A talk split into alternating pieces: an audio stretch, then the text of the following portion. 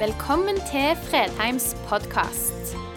For mer informasjon og ressurser, besøk oss på fredheimarena.no, eller finn oss på Facebook.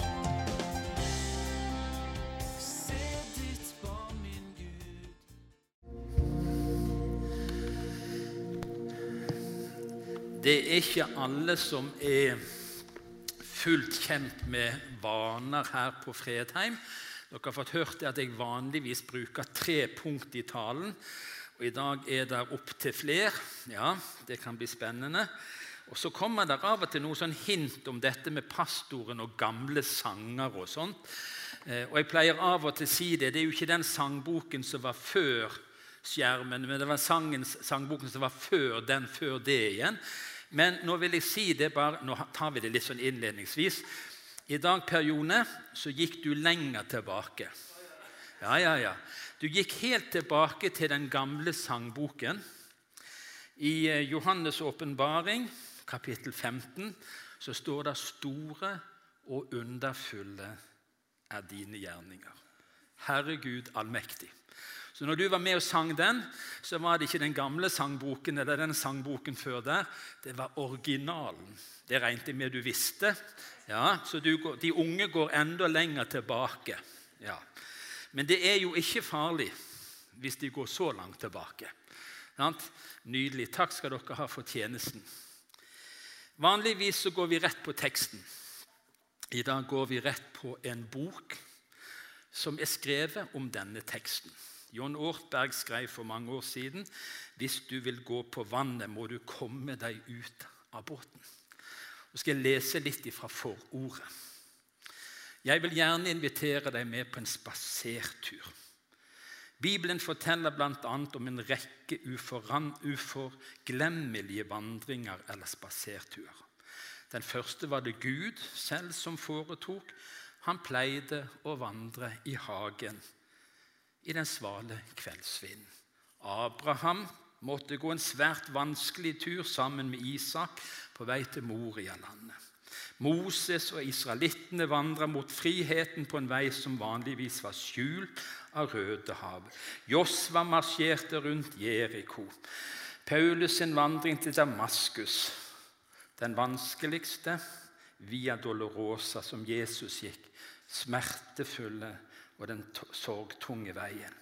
Men kanskje var det Peter som gikk den mest uforglemmelige turen av alle den dagen. Han steg ut av båten og beveget seg opp på vannet.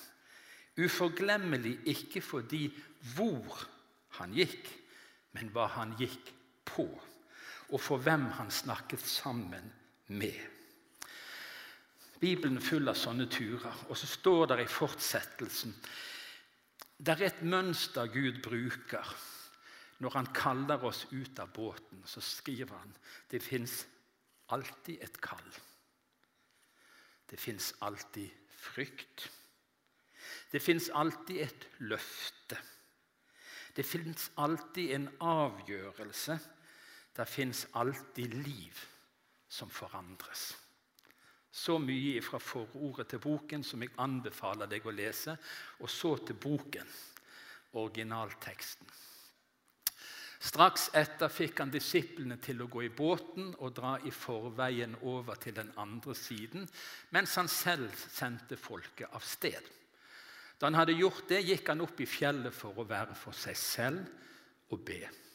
Da kvelden kom, var han der alene. Båten var allerede langt fra land, og den kjempet seg fram i bølgene, for det var motvind. Men i den fjerde nattevakt kom han til dem gående på sjøen. Da disiplene fikk se ham der han gikk på vannet, ble de skrekkslagne. Det er et gjenferd, sa de, og skrek av angst. Men i det samme talte Jesus til dem, vær ved godt mot, det er jeg. Vær ikke redde. Da sa Peter til ham, Herre, er det deg, så si at jeg skal komme til deg på vannet. Kom, sa Jesus. Peter steg ut av båten og gikk på vannet bort til Jesus. Men da han så hvor hardt det blåste, ble han redd. Han begynte å synke og ropte, 'Herre, berg meg.' Straks rakte Jesus hånden ut og grep fatt i ham og sa, 'Du lite troende, hvorfor tvilte du?' Så steg de opp i båten, og vinden stilnet. Men de som var i båten, tilba ham og sa, 'Du er i sannhet Guds sønn'. En liten oppmuntring. Dette er det første punktet som dukket opp tidlig tidlig i dag tidlig. En liten oppmuntring. Jeg vet ikke hvor mye du leser i Bibelen. Det skal ikke handle om det hvor mye. Men jeg vil gi deg en anbefaling å lese og studere. Mange av disse tekstene i Det nye testamentet er skrevet på forskjellige måter. Disse hendelsene, disse historiene. Nå leste vi om et under i Matteus sin versjon. Den fins i Markus sin, i Lukas sin og i Johannes sin versjon. Du kan altså lese om den samme hendelsen med litt forskjellige synsvinkler. Og Det gjør de ekstra spennende. Det å slå opp i parallelltekster, det å slå opp i henvisninger står ofte med lite skrift i Bibelen. Beriker bibellesingen. Vi skal ta med én liten detalj. I Markus sin versjon av denne teksten så står det at når Jesus kom, så står det at han ville gå forbi dem. ikke det litt spesielt? Der kjemper de altså ute på sjøen i storm, og de er livredde. Og Så kommer Jesus vandrende på sjøen, men i denne versjonen står det han ville gå forbi dem. Det, Der står det mer enn det du tenker med første øyekast. En gang så ba Moses om å få se Guds herlighet. Og så måtte han stille seg i kløften, så sa Gud, 'Jeg vil gå forbi deg'. Når Gud skal vise seg, når Gud skal på en måte vise sitt nærvær, så går han gjerne forbi. Det er ikke negativt. Det er vår mulighet til å få se Gud. For vi kan ikke se han forfra, vi må se han bakfra. Så denne lille finten her i Markusteksten den utvider hele forståelsen av denne beretningen som skjedde på sjøen. Det at Jesus ville gå forbi, betyr egentlig at han ville åpenbare seg. Han ville vise hvem han var. Tok du han? En liten sånn Les tekstene. Les parallelltekstene. Punkt 1. Teksten sin sammenheng. Straks etter begynner det. Det skjedde altså noe rett før. Og det var brødunderet. To fisker og fem brød står rett før vår tekst, og den står i flere av de andre evangelietekstene. I Johannes sin versjon av denne straks før teksten så står det da folk så det tegnet Jesus hadde gjort, sa de dette må være profeten som skal komme til verden. Og så ville de ta han med makt og gjøre han til konge. Og da går Jesus avsides for å be og være aleine. Du får en sånn rikere måte å se disse tekstene på hvis du leser disse parallelltekstene. Men dette er òg hensikten med Jesu under. Når de så tegnene, når de så hvem han var, så åpna deres forstand og deres øyne seg åndelig talt. Dette må jo være han. Dette må jo være Messias. Dette må være han som de gamle skriftene forteller oss skal komme. Og I slutten av vår tekst så står det men de som var i båten, tilba ham og sa, du er i sannhet Guds sønn. Disse historiene, disse fortellingene har en hensikt. At vi skal forstå hvem Jesus er.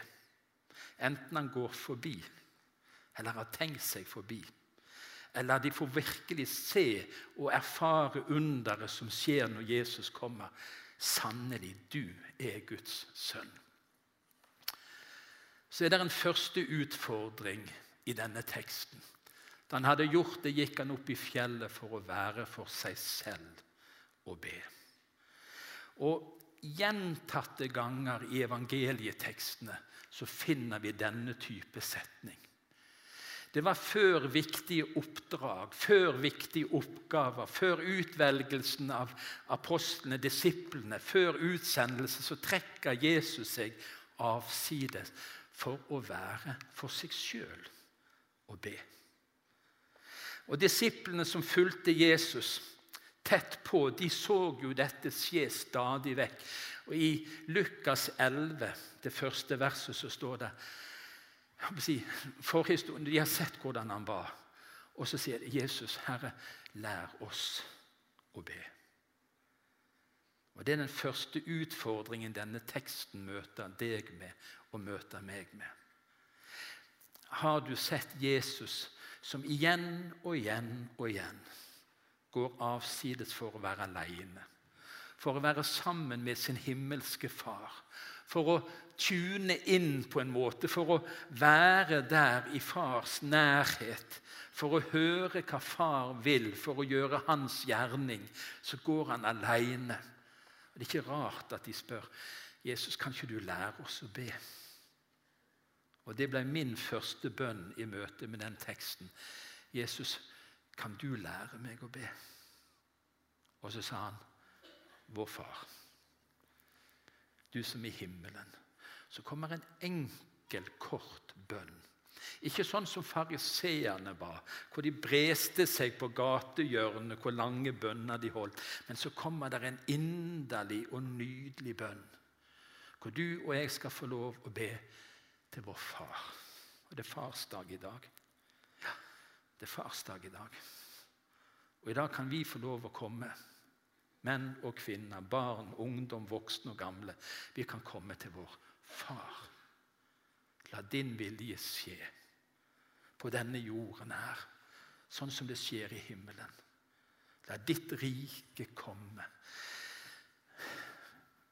Kanskje det første vi skal la synke inn over oss. En bønn. Jesus, lær meg å be. Og så er det en overraskelse i denne teksten. Men i den fjerde nattevakt kom han til dem gående på sjøen. Og Jeg har hørt en mengde prekener av denne tekst, over denne teksten. Og aldri har de stansa skikkelig opp. Gikk han virkelig på vannet? Virkelig stansa for det forunderlige at Jesus er ute og rusler på vannet. På, på, en opprørt innsjø. For den innsjøen der kan se stille og fin ut der han ligger. Men der kan blåse stormkast som gjør at bølgene fråder. Og mens det fråder og mens det stormer, kommer altså Jesus ifølge teksten gående på sjøen. Jeg syns det er stilig. Gjorde han virkelig det? Fysisk. En amerikansk forsker han har funnet ut det at sannsynligheten for at temperaturene var annerledes nord i Galilea på den tiden Jesus levde Så hans teori er at Jesus gikk på isen. Ja da. Jeg lurer bare på hvorfor de var så redde hvis han gikk og vandra på isen. Og hvorfor de ropte i, i, smerte og frykt at det var et spøkelse. Det er vanlig at folk går på isen. Det er ikke noe å bli redd for det. Det er et eller annet Når folk skal prøve å finne sånne unnskyldninger for bibelsk virkelighet, så blir det veldig søkt. Jeg tror han forskeren var fra Florida, så det forklarer kanskje litt. Men, men det er noe med det. Gikk han virkelig på sjøen? Ja, det tror jeg faktisk at han gjorde. Er det egentlig noe problem for oss som tror at Gud har skapt denne verden? Han har skapt dette forunderlige universet millioner på millioner av stjerner og planeter. Vi kan ikke telle de. Avstandene er umålelige. Og En gang så sa han det blir lys, og så ble det lys. Og så skapte han deg, og så skapte han meg, så skapte han mennesket i sitt bilde. Kunne ikke han som ga oss skaperverket og livslovene, sette de til side for et øyeblikk? Jeg vet du hva, Det tror jeg helt og fullt at han kunne. Og jeg tror at han gjorde det i denne situasjonen. Og det er, det er ganske stilig å tenke på det. At Jesus, som vi har et sånn barnlig tillitsforhold til, han rusler på vannet, han. I både stille og i stormvær. Det er ikke noe problem for han. Gjennom hele Kirkens historie så har trøsteperspektivet ofte vært det mest sentrale i utleggelsen av denne teksten. Båten var allerede langt fra land, og der kjempet seg fram i bølgene. Livet, sier vi. Livet. Veldig få av oss, ingen, som får en enkel og uproblematisk reise. Enten det er stormvær eller det er brå kastevind som kommer overraskende over oss.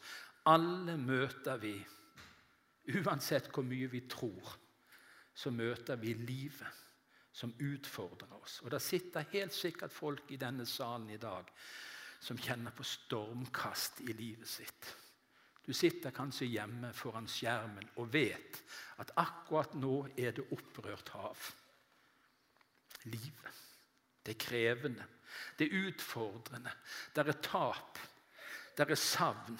Det kan være tvil, sånn som når Jesus stilte disiplene spørsmål. Nesten alle forlot ham. Vil dere òg gå vekk? Du kjenner det at det der med Jesus er blitt litt for krevende. Og tvilen er kanskje det du kjenner mer på enn troen. Når bønnesvarene synes helt å utebli. Når det knaker i relasjoner. Når mennesker sårer deg, når mennesker skuffer deg. Livet stormvær. Peter han var fullt av frykt, står det. Han hadde tvil. Og kanskje var det skam som fulgte Peter der han synker. Jesus stående bare en armlengde unna. Og Sånn er kanskje ditt liv. Du kjenner på frykten. Du kjenner på tvilen. Du kjenner på skammen. Men i det samme talte Jesus til dem. Vær ved godt mot. Det er jeg. Vær ikke redde. Det er så nydelig å kunne si, for vi har hele bokens innhold med oss når vi forkynner en som kommer til oss gående i stormen, og så sier han, 'Det er meg. Ikke vær redd. Ikke vær redd.' Alle dager, har han sagt. Alle slags dager er han der. Så går han ved vår side, så vil han gripe tak i oss. Om du er i en storm, så skal du få lov å tenke at Jesus kommer til deg nå midt i stormen. Midt på bølgene. Og så vil han rekke ut en hånd. Så sier han, 'Ikke vær redd. Ikke vær redd. Det er meg.' Og Når vi leser denne teksten sånn som den står på grunnspråket, så står det mer enn det vi egentlig oppfatter med vårt språk. Men disse som først hørte denne teksten, de som først hørte disse ordene, de hørte noe helt tilbake fra Det gamle testamentet. Når Gud møter Moses med den brennende tornebusken, så sier han, 'Det er jeg er den jeg er'. Det er Javé. Det er den Gud som har all makt i himmel og på jord, den eneste sanne Gud. Han som frelste israelsfolket, han som førte de ut av fangenskap i Egypt. Han som førte de gjennom ørkenen på forunderlig vis. Han som delte Rødehavet for dem, så de kunne gå tørrskodd under. Når Jesus møter disiplene på sjøen, så sier han, 'Det er jeg'. Det er han. Han som møtte Moses. Moses som var livredd. 'Ikke kan jeg tale, ikke kan jeg' Og Gud sier til deg og til meg i dag 'Det er jeg'. Det er den eneste sanne Gud som taler inn i våre bølger, inn i vårt stormvær. Jeg er den jeg er. Vi synger det, og nå går vi og tar en gammel sang. Det kom i dag òg. Unge voksne, det er greit. Er det tillatt? Jeg skal ikke synge den i dag, bare sitere den. Når døden sin brottsjø du møter.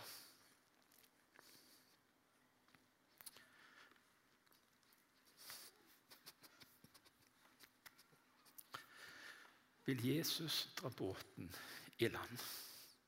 Er det ikke fint? Når den siste stormen kommer, og vi har noen som står oss ganske nær, som er i den stormen nå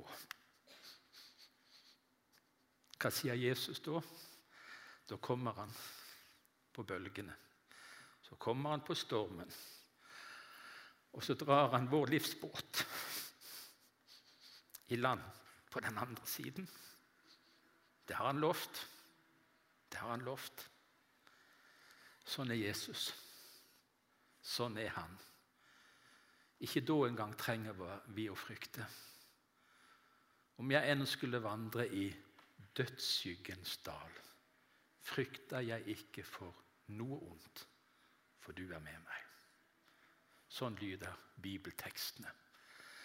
Og så er det en annen utfordring i denne teksten.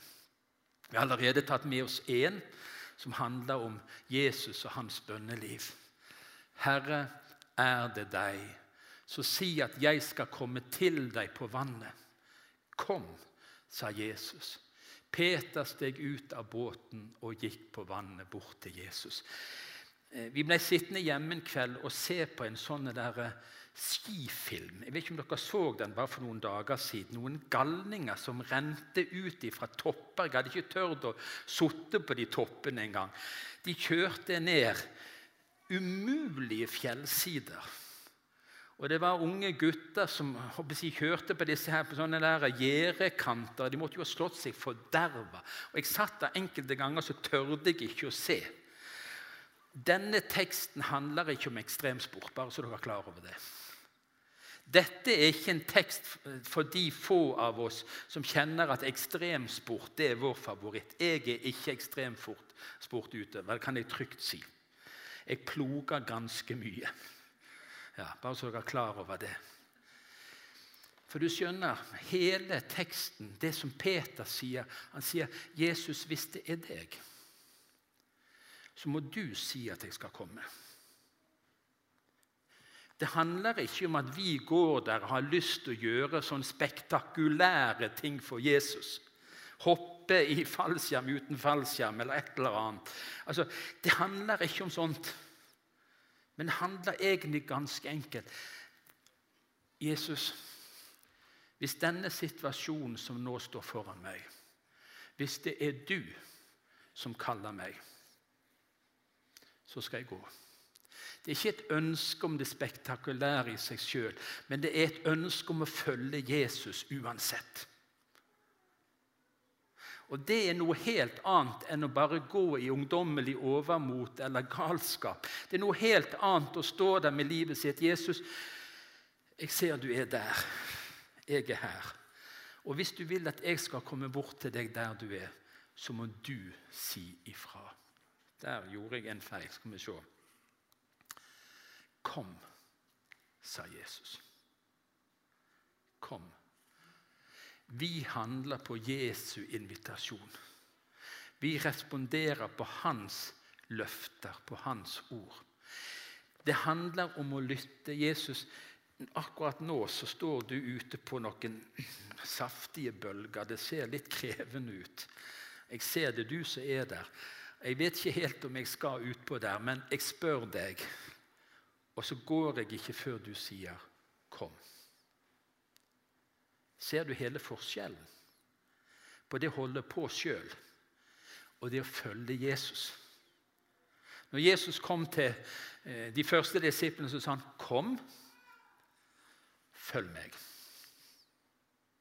Det ble ganske spektakulært, men det handler om å komme og det handler om å følge. Peter steg ut av båten og gikk på vannet bort til Jesus. Vet du hva?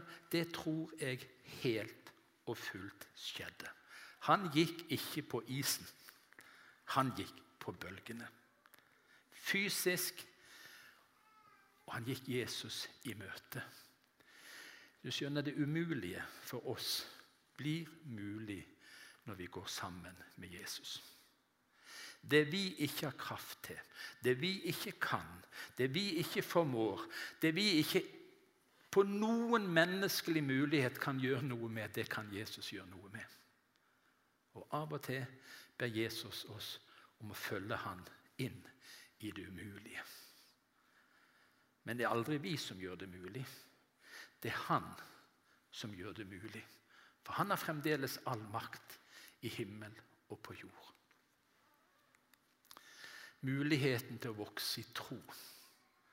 Og til å erfare et liv i etterfølgelse, at det er både spennende og verdt den risikoen som følger. Altså, du må bli du, må, du blir blaut på beina hvis du går ut av båten. Ofte er det spennende livet med Jesus, det livet som utfordrer oss ut av det vante, trygge, kjære, enkle, det er der ute. Hvis vi skal gå på vannet, så må vi først og fremst våge oss ut av båten. Hva skjer da? Jo, vi kan oppleve det som Peter. Vi mister synet av Jesus. Vi føler oss fortapt, hjelpeløse, alene, og vi snur. Eller vi kan gjøre sånn som Hebreabrevets forfatter skriver i kapittel 12, og med utholdenhet fullføre det løpet som ligger foran oss. Hvordan? Med blikket festet på Han, som er troens opphavsmann og fullender. Så lenge Peter så på Jesus, så gikk han på vannet. Når han begynte å se på bølgene, så sank han. Og Hvordan skal du holde ut i det kallet som Jesus har gitt deg? For han har kalt deg til noe helt unikt.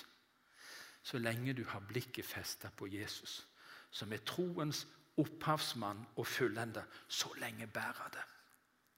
Så lenge bærer det.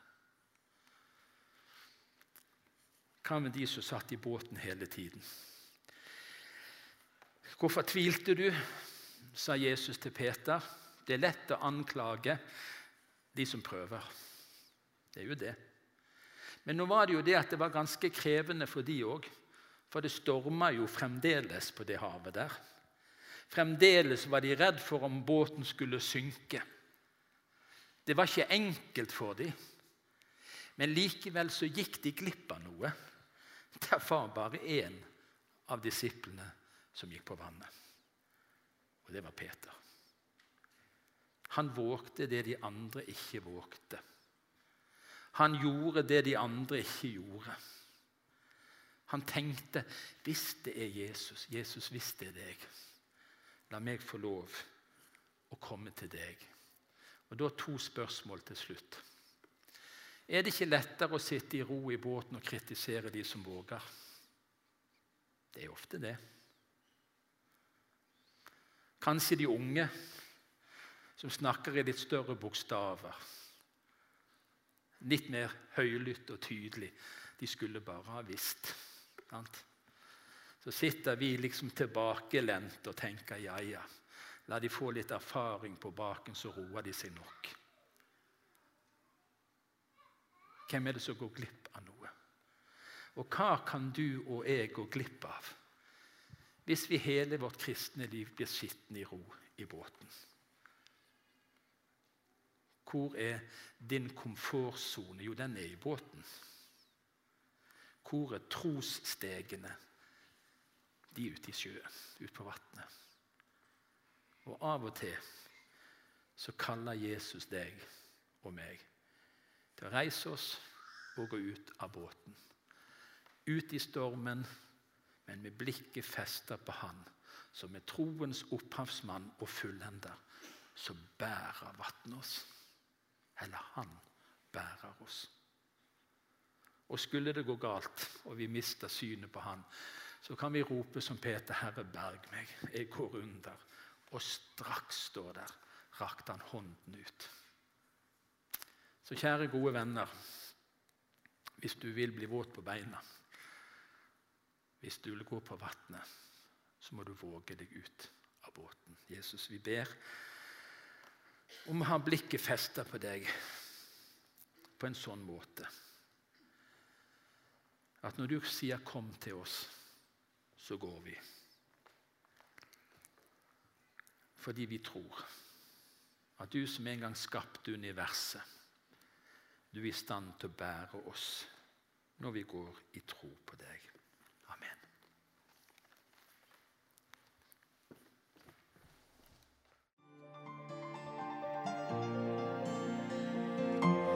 Takk for at du valgte å høre på. Nye opptak legges ut hver uke. Vi har gudstjenester hver helg, og du er hjertelig velkommen.